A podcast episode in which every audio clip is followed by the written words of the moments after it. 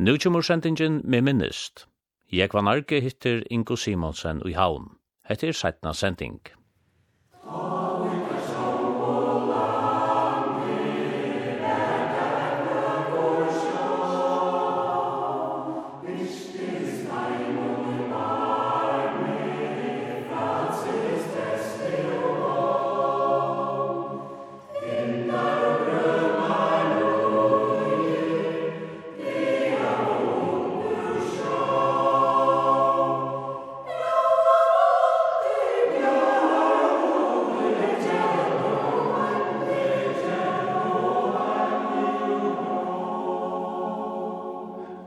Inga, i 1988 kom et nytt li av styrmannsskolan i havn. Ja, her var nek for penner unge menn, og der sjås batter bojermyndene, og der sjås eisne atter i benøser. Det var her jeg fikk eie åttene. Så et kvalt så kom han på prai, spurte om han kunne slippe å fylle meg til hus. Men jeg halte han engre, det var så lengt vekk. Han sier tverferne, altså bort hos så lengt ute. Jeg sier, ja, vi går til Matala. Han vil ikke komme Matala vær. Så tar vi kommet til gøtene som gikk ned til åker hus. Ta var det bare en smøl gøte. Da tok han i hånden av meg, så ledde svinn i han kjøk til gøtene.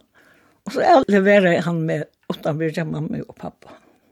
Og vi det taler jo ikke om at vi skulle studere det.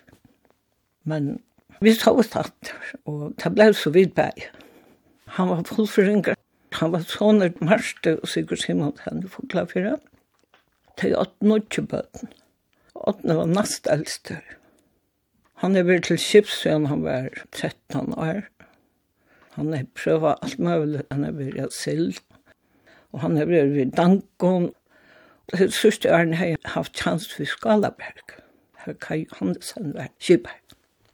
Og Pabrian hans har jeg til. Han måtte føre på skolen.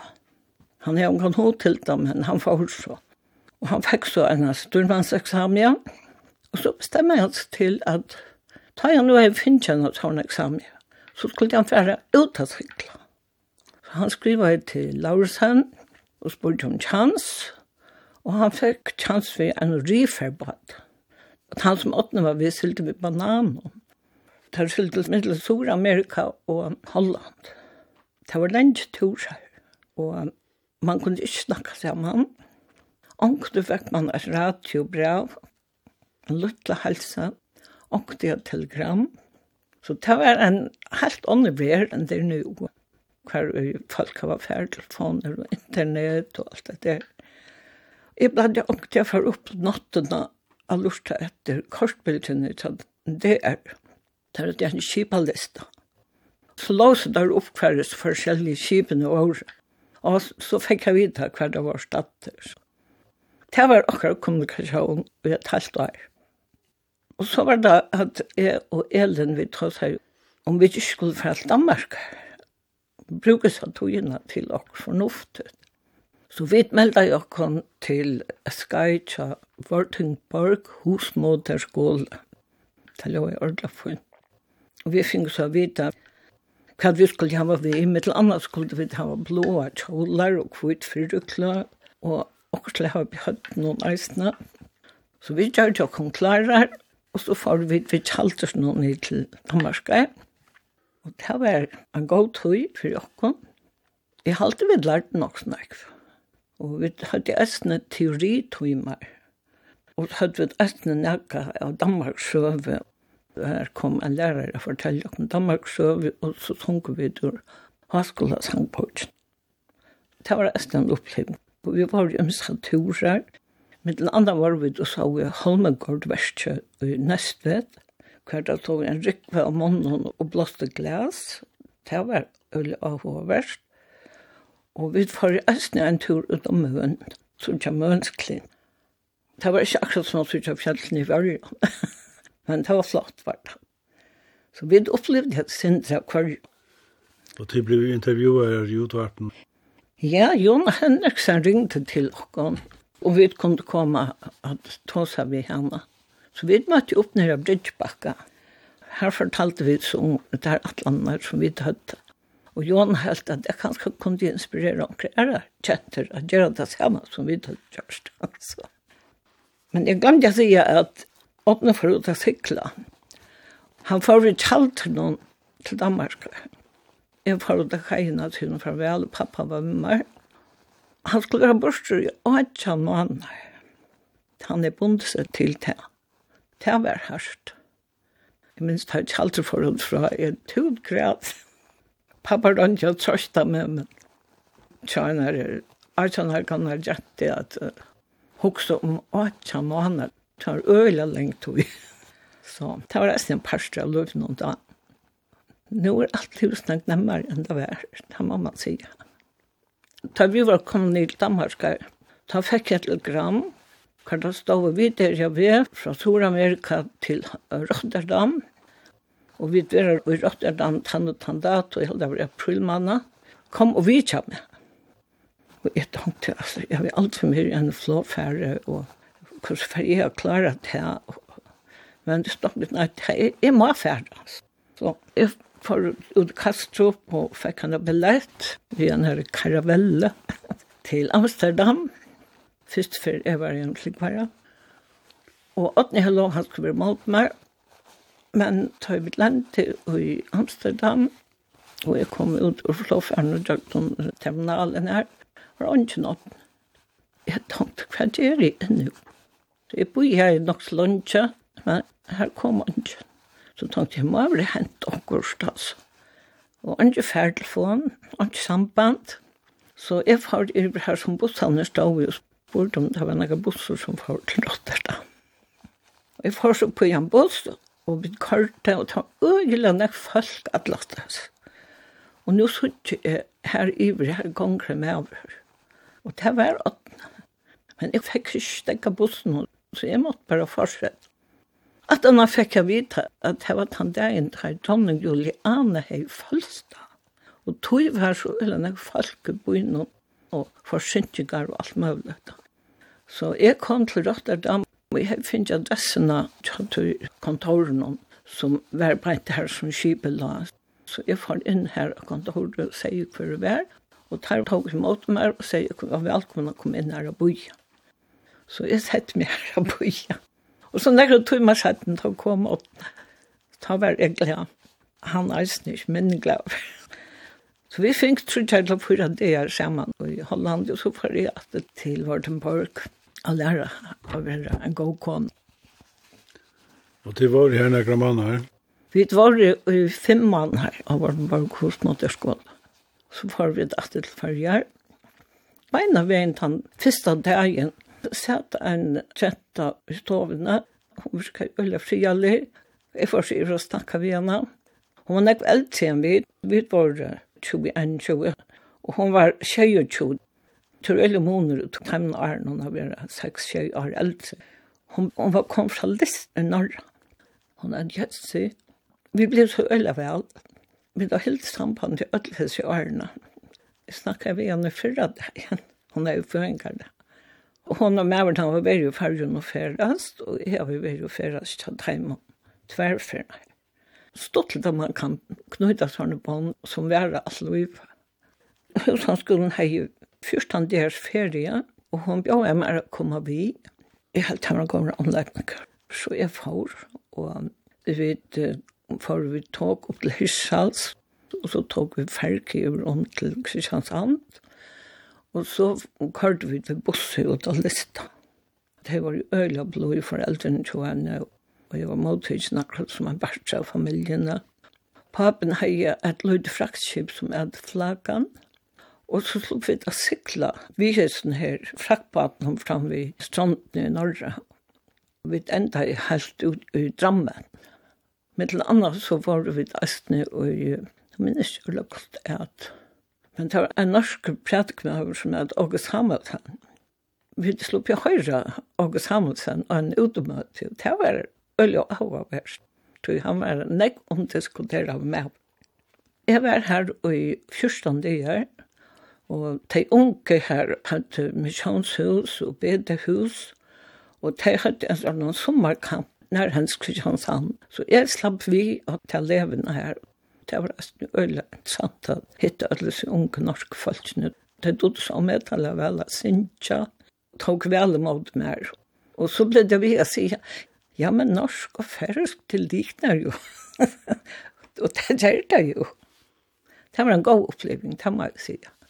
Så fort at det til Vardborg, og sluttet vi så her. Så hadde vi denne framvisning av Tora som vi ikke hadde kjørst. Men annet vi dødes hjemme, Og Elin og jeg er størst bøylet av okken og vi var til. Det er det for løyvnene at jeg har seimen her. Mamma min var øyla dona til å seime, og sysene har jammer, men det er enest for jeg har seimen her. det var nesten nok stått. Så kom du hjem etter? Ja, så kom jeg hjem etter, og så var det det her, vi måtte finne meg åkte gjøre. Jeg får så arbeid av Færre Brunna til Tjeng, men det er arbeid tiltaler jeg mye ikke. Jeg sitter og skriver poliser, det helt det var drævlig og ondsamt. Så var det åttende fikk kjans vi Laura Østersson. Der får jeg en grønlandstur, og råkne vi å være vekk i trutja måneder. Så tenkte jeg at jeg var til Englands trutja måneder. Så jeg prøvde å finne ut om jeg kunne få akkurat plass som au pair, og det fikk jeg i Bristol til en av familien. Det var en lakne, og kona herra, og de åtte trupøtten. De tok øyla vel mot meg. Ta var flikkvinn byrju i fargen. Ta var Fokker Friendship som fløy fra fargen til Glasgow. Og de hadde ordnet det så løs at en maver i Glasgow skulle ta mot meg. Og det var ikke sinne maver. Han var teppefabrikanter. Han hentet meg i en Rolls Royce. Og jeg var hjem til deg og hushalderskene tjån, og hun har døvra, og det var et størst bår, og han satt vi annan endan, og jeg satt vi enda Det var, det var en, en oppleving av en ærer ved teppet var alle steder, så jeg snu ut av trappen. Hushalderskene som var, hun viste meg ut i havan, og her var et drivhus, og i drivhusen var ferskner. Han endkjen av ferskner, det glemmer jeg omkant. Og hun tog så några färsknar så tar vi skum innan. Så åt vi det här färsknar som var bonlejare i druvhusen. Så till klockan närkast 12, så ser han nu må vi fara om tågstøyna. Og så får jeg ombord et tog og kørte i alle nattene ned til Bristol. Jeg var her klart om morgenen. Da stod jeg sned med avren som er Dr. Higgins og Dag Mautmar her. Og jeg får så hen til deg. Og vær her i han her. Og medan det var her, da de bestilt ferie i Cornwall. Så jeg slapp vi til Cornwall. Det var et den oppleving. Helt øyelig flotta bergestrønter, men øyelig måneder av flå og fjøre. Så vi kvart var ånden strand og og vi kvart var det strender som var flere kilometer her store. Vi var i Østene ut i landsend, og vi var jo så King Arthur's Castle, Og det opplevde virkelig nek. Trondjene var tutsi og tolv år. Tarjil, det var øyla spennende. Jeg har opplevd det her, og sånt King Arthur Castle. Det var jo bare eventyr. Så skulle jeg hjemme til, da jeg var tredje mann. Så tenkte jeg, hvordan slipper jeg da hjemme til? Så det var ikke flå fær, jeg har flå i noen måneder. Så jeg var for å plabre din. Jeg kom hjemme til førre vi Petra Gørl, Lundeskip. Det var ikke noe særlig for å reppe av. Men vi kom så var vi at hun på og så vi smyrte klavene. Det var tannferien. Og det så var kom natt til Farjar, så fikk jeg arbeid av landskrivstående. Og det var med en kjølstors landstyrsett, og Håkon Djurus oss løp med. Edlund Behatsson var landstyrsmøver, og Nilsvinda Poulsen, Karsten Høydal, Det var en spesiell tid. Jeg minnes at alle adresselistene og tenkene så var i dansk. Da man skulle sende brød, så var det til Vestmannhavn, og til Sjå kommune, og til Midtvågs kommune. Det ble alt skrotta og alt rørt og førskånd. Sjølvand. Det var det eneste her. Det var nok stort litt. Det hendte noen sånne ting da. Og et som jeg minnes fra at det var tatt der ting her som var gjøre fråskaparskjeld til farge. Det hendte jeg østen da, at det kom i tjøkken når man skulle ha selv. Det var landslagnen og Johan Djurus og Johan Asmussen, det er trutjer som tog styr til han. Annars så skriva jeg mest for lagtynja, at lovar oppskått. Alt det som skulle ned lagtynja, sekretariatet til den var tingene stå. Og det var ikke som nå om man kunne fotokopiere. Du skulle skriva alt på stensel, og så ble det duplikera ut i arkiven i landstøren. Det var størst arbeid av det var det. Og da jeg så tenkte seg at han var lio, så kom Gjera Bogen, og alt det kom alt ut i tingene. Og så skulle man sitte og køre brøytingar inn og skrive logene her. Det var stor arbeid nekk av det slapp jeg å gjøre, men så fylkelse sammen med juristen noen som var her ute. Og ble du verant her? Nei. Vi giftes då i Vimbotrus. Vi fikk Marna i september måned av 6 trus. Da helt jo på et arbeid. Og åttende fisket han i Esbjerg. Ta at fiska skittfisk var så øyla populært. Øyla nek på at Esbjerg Jeg hadde lov 600 bater i Esbjerg havn til tattøyene. Så da jeg var mer enn jeg trodde man her, da flott vi til Esbjerg og Bekva. Her skilte jeg med den andre, vi er en skip som heter Martina, og en som heter Birgitte Tornby. Det var ikke telefon. da Jeg ble det å passere om man havnene av Hitcha. Tekk en liste i ruten av fabrikkene hver badere meldte til så kunne bare lukke som råkne ut når det kom til å være inne. Og ikke vært for han, og han kan bil, og det er en skotere. Så han kan natt vakne, vi hadde hørt skoteren, og da kom det inn. Og, og så. så det var en velfyr, sier jeg, av byggvannet i Esbjerg, det må jeg si. Og her er Eisne føtter i Esbjerg. Han ble føtter 12. januar i 8. Og det var om det hadde høyene, det var så øyelig ringt at han var i Esbjerg tætje for av en skola, og flere bøtt dødja. Åttende var vi ved inn ved Birgitte Tornby. Tar nødst å slippe dekslastene, og rønte bare bjerget seg som friast. Og da kom du bedre til landsjøtlen gå. Men jeg la av St. Josef hospital i snøyføringen, og var øyla bensjen om alt det som hender under nummer. Men tog betyr som han sier, det er godt, og han kom alltid til en gang. Men her er jo veldig øyne tøtter av at han er fra til Danmark. Hvor fart du til Danmark er jeg med? det er jo den store spørning rundt hånden ofte. Og så har vi da født seg, så jeg som nyrop. Det var ikke godt. Så svarte det bare. så var det at uh, Tarre Foklafyr, uh, Sankrafstøren, hadde kjøpt Lunebaten, Nølsjøpall. Og han fikk så navnet Fullfringer, og han kom til Esbjerg, Han var gjort klarer til affæra skuddfiskaveia, og åttene skulle være kybæra. Så nå var det en sjanser å komme til varje. Men så var det til at få en egen bygg for i havn, det var ikke så nevnt. Så vi enda inn i Ronabøk. Vi bor i husen til Karle og Simon Hansen enn ut Hoftavat. Det er det dørste noe oppe i kjallaren der. Og her bo vi i noen år. Det var fantastisk. Det var helt og anmyndelig fitt folk. Og her var fri og litt og godt og godt spilleplass. Her trives vi vel. Og jentene til Karle, særlig Karl, hun tok seg ølene av her. Det ble så øl vel. Her var ikke man etter gammelt han fyllte etter at den dagen da vi flott til heim. Så vi var ved henne her inne noen år, og så får vi det til ham. Så ringte telefonen den dagen, og da var det landslagten som sier at han manglet en skrivare, det høy.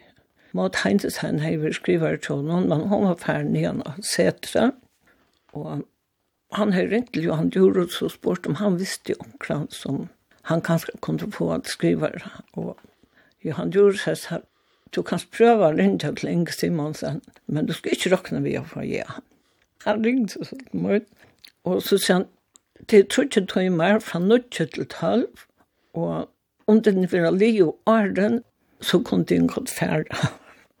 Det må jeg si, han var helt fantastisk effektiv. Kvann morgen han kom til la et band som han hei tås henne, hva det skulle gjøre. Og så enda det alltid vi, og tegntiden i liv vi hette kunne det jo godt færre. Så det var gode betingelser, det må jeg si.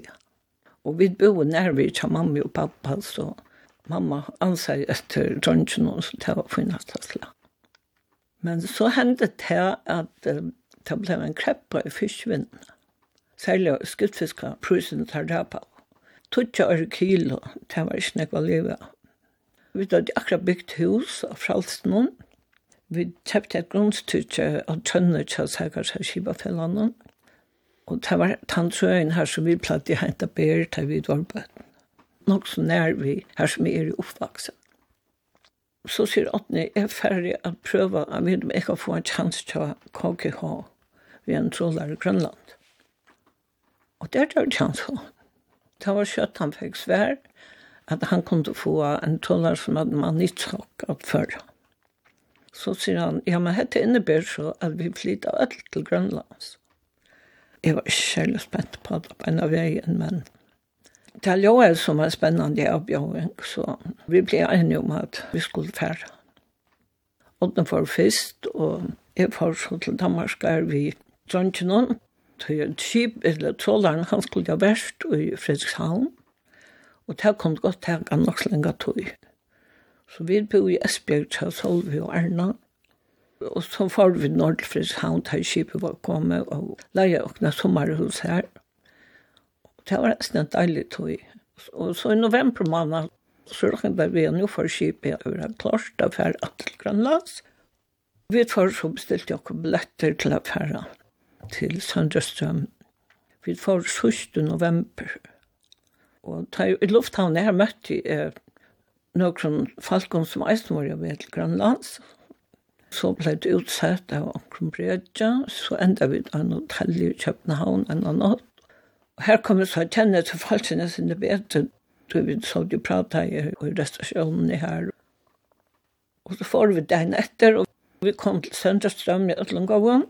Men hva, det var ilver, så det var ikke helikopteren og vi slupp ikke vujar. Vi var i Steinfjøren og i Trudtadier, det var ikke heller stortlet. Øyla kaldt, var minus 35 grader.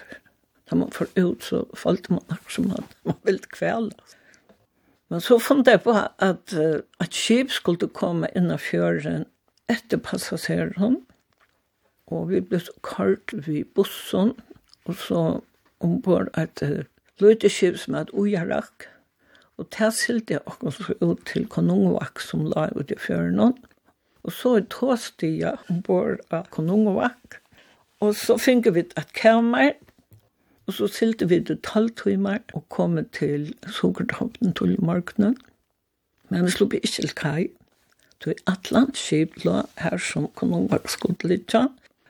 Så vi lade at vi kongebroen, her stod fabriksleieren som Paul Nilsen tok mot jokken. Han bjør jokken på bilen til her, og så kørte han jokken ned i Uipoen som vi skulle bygge på. Det var oppe av det som det røpte for platået. Her var fyra store Uipoerblokker, og det la oppe av fjallet så i. Hvis du får til gang, så skulle du genge 56 trinn opp til blokken, og Og vi bor i at si hatt, så det var atter nekt trina genka. Men utsikten var fantastisk. Så her hushavst vi, og bor jeg etter at Solheim skulle komme. Og så fikk vi den der vita at nå var det der vi. Og så når det at han var, så fikk vi den vita at han var vender etter til Fredrikshavn. Så det var akkurat alle vi maskiner, Måtte fære etter av bedre. Og det han er gikk og jålene norska just. Jeg hadde jo ikke jål vært så spent og på alle jål som det er. Og luttla jål aftan. Da kom man i sokksiklan inn etter fjøren. Det var en god jål jeg gav få. Det var en spesiell jål, det må jeg sige.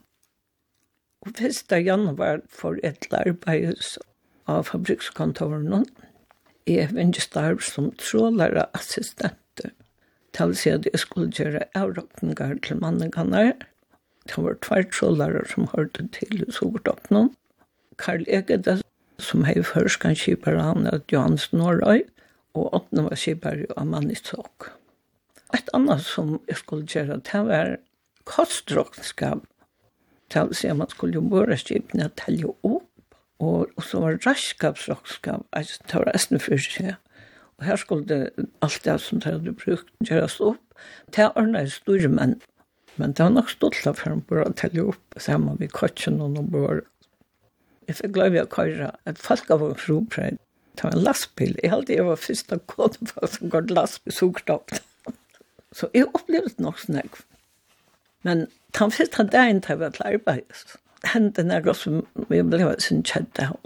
Det var at uh, klokkan tog skulle ut og drekka kaffe. Og jeg sette meg så her, så grunnleggeren sa ut. Men da jeg kom inn til kontoret, så ble jeg røpt inn til fabrikksjefen. At jeg skulle bare vite at da det var kaffepause, så skulle jeg si til som danskeren sa ut. Og så var så akta jeg, men det pynte meg, det må jeg si. Hvordan landet var det i Grønlanden? Vi var i Grønlandet i tre år eller 4 år. Jeg Ja, drangene for hjem først. Og jeg ble så verende etter det ene året. Jeg var nemlig nok den dagen da Grønland fikk heimastrøk. Da var det lyst til jeg var hammer flott til Grønland som bo i nok, og jeg var ferdig å vidja til. Så det var nok spennende at oppleve det. Så jeg ferdig nok snakk om middelen til sørste året, og så var det aldri gjort. Og det var deilig å komme etter fra alle siden bygg. Og her har vi så bo så igjen. Men jeg har alltid ikke til at drangene finner så veldig godt av å være i Grønland.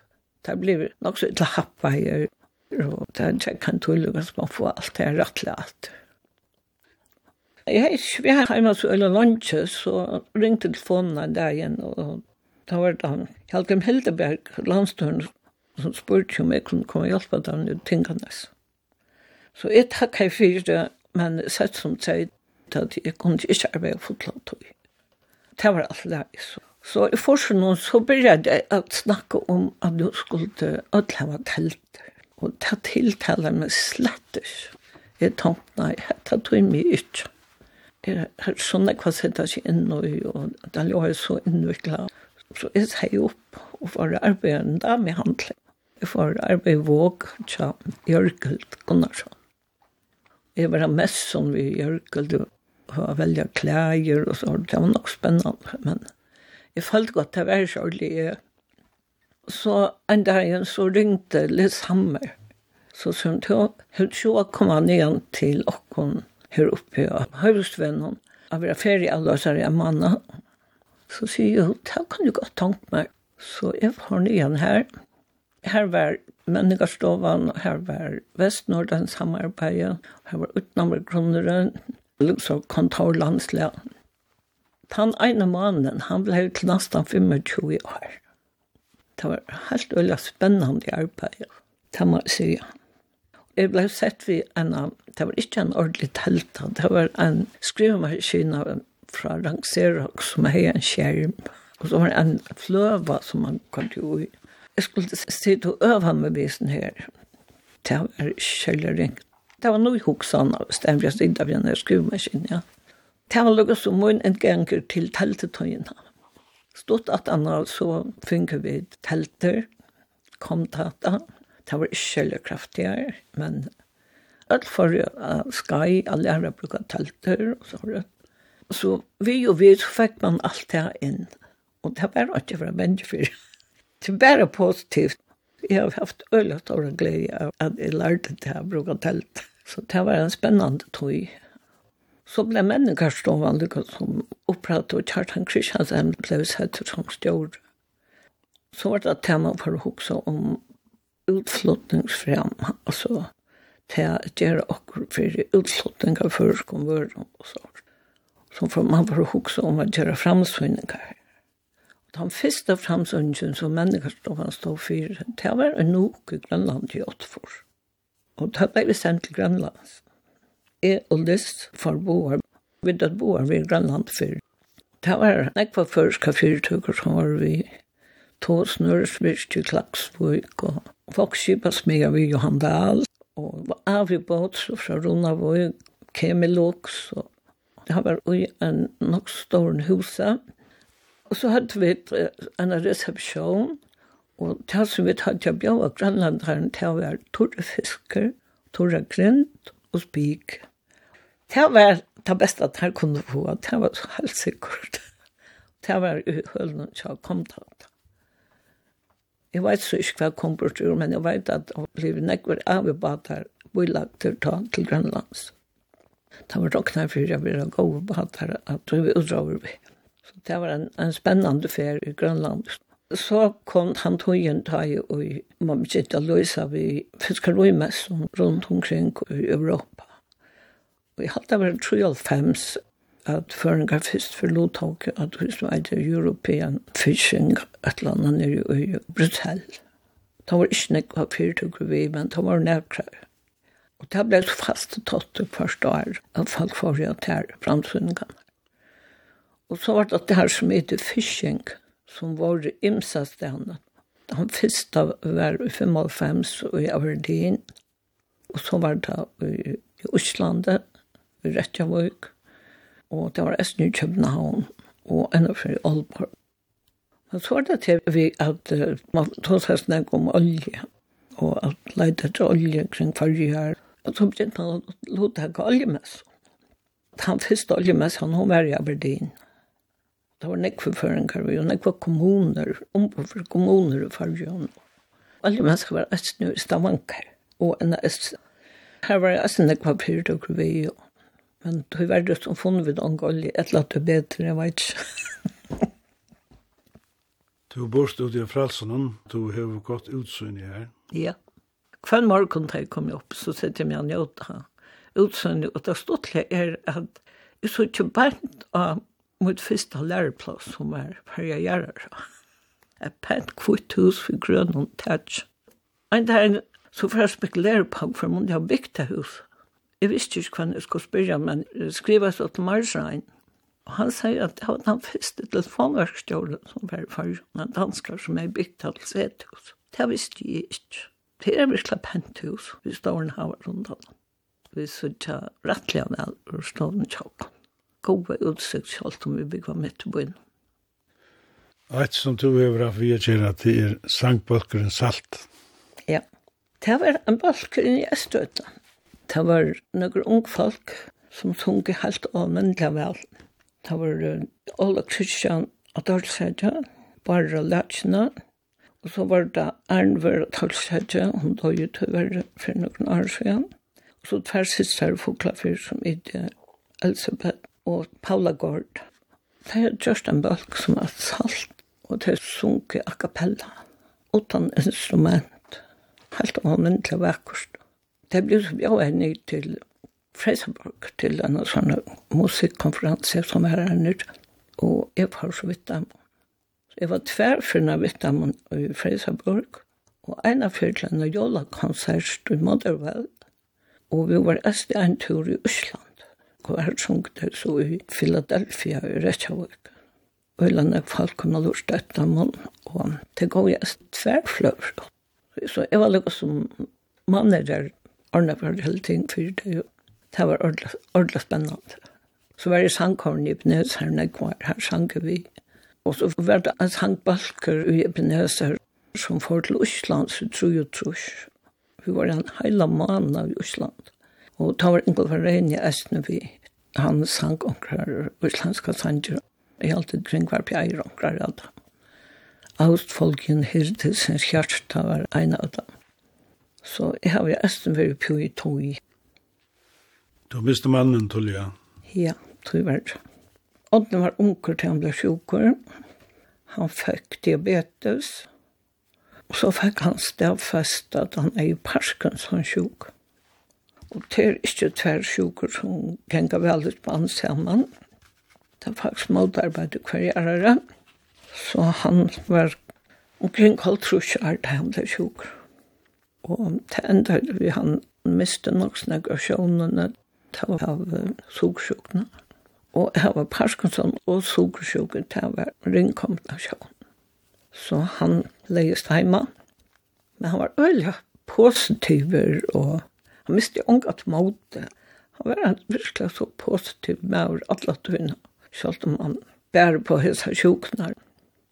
Tjekk tur kvante, man så ikke vel å lese langer og sånt. Men så fann vi det på at jeg kom på en band, så han kunne lurte etter band, og nå stedet for å lese.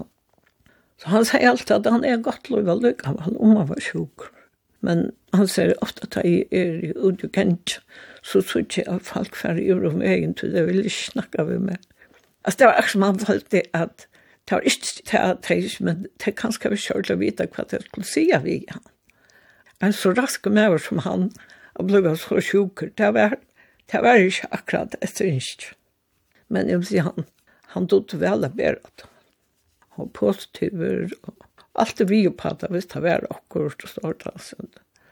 Det var et prakteksemplar av en patient, det må jeg si. Så får jeg si deg takk for det. Takk for det selv. Takk for.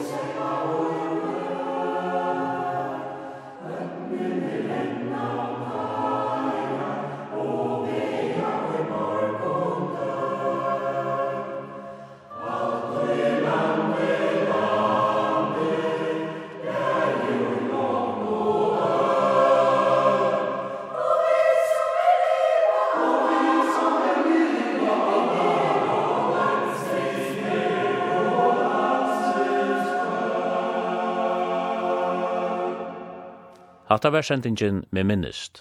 Jeg var narki hitte Ingo Simonsen. Hetta var sætna sending.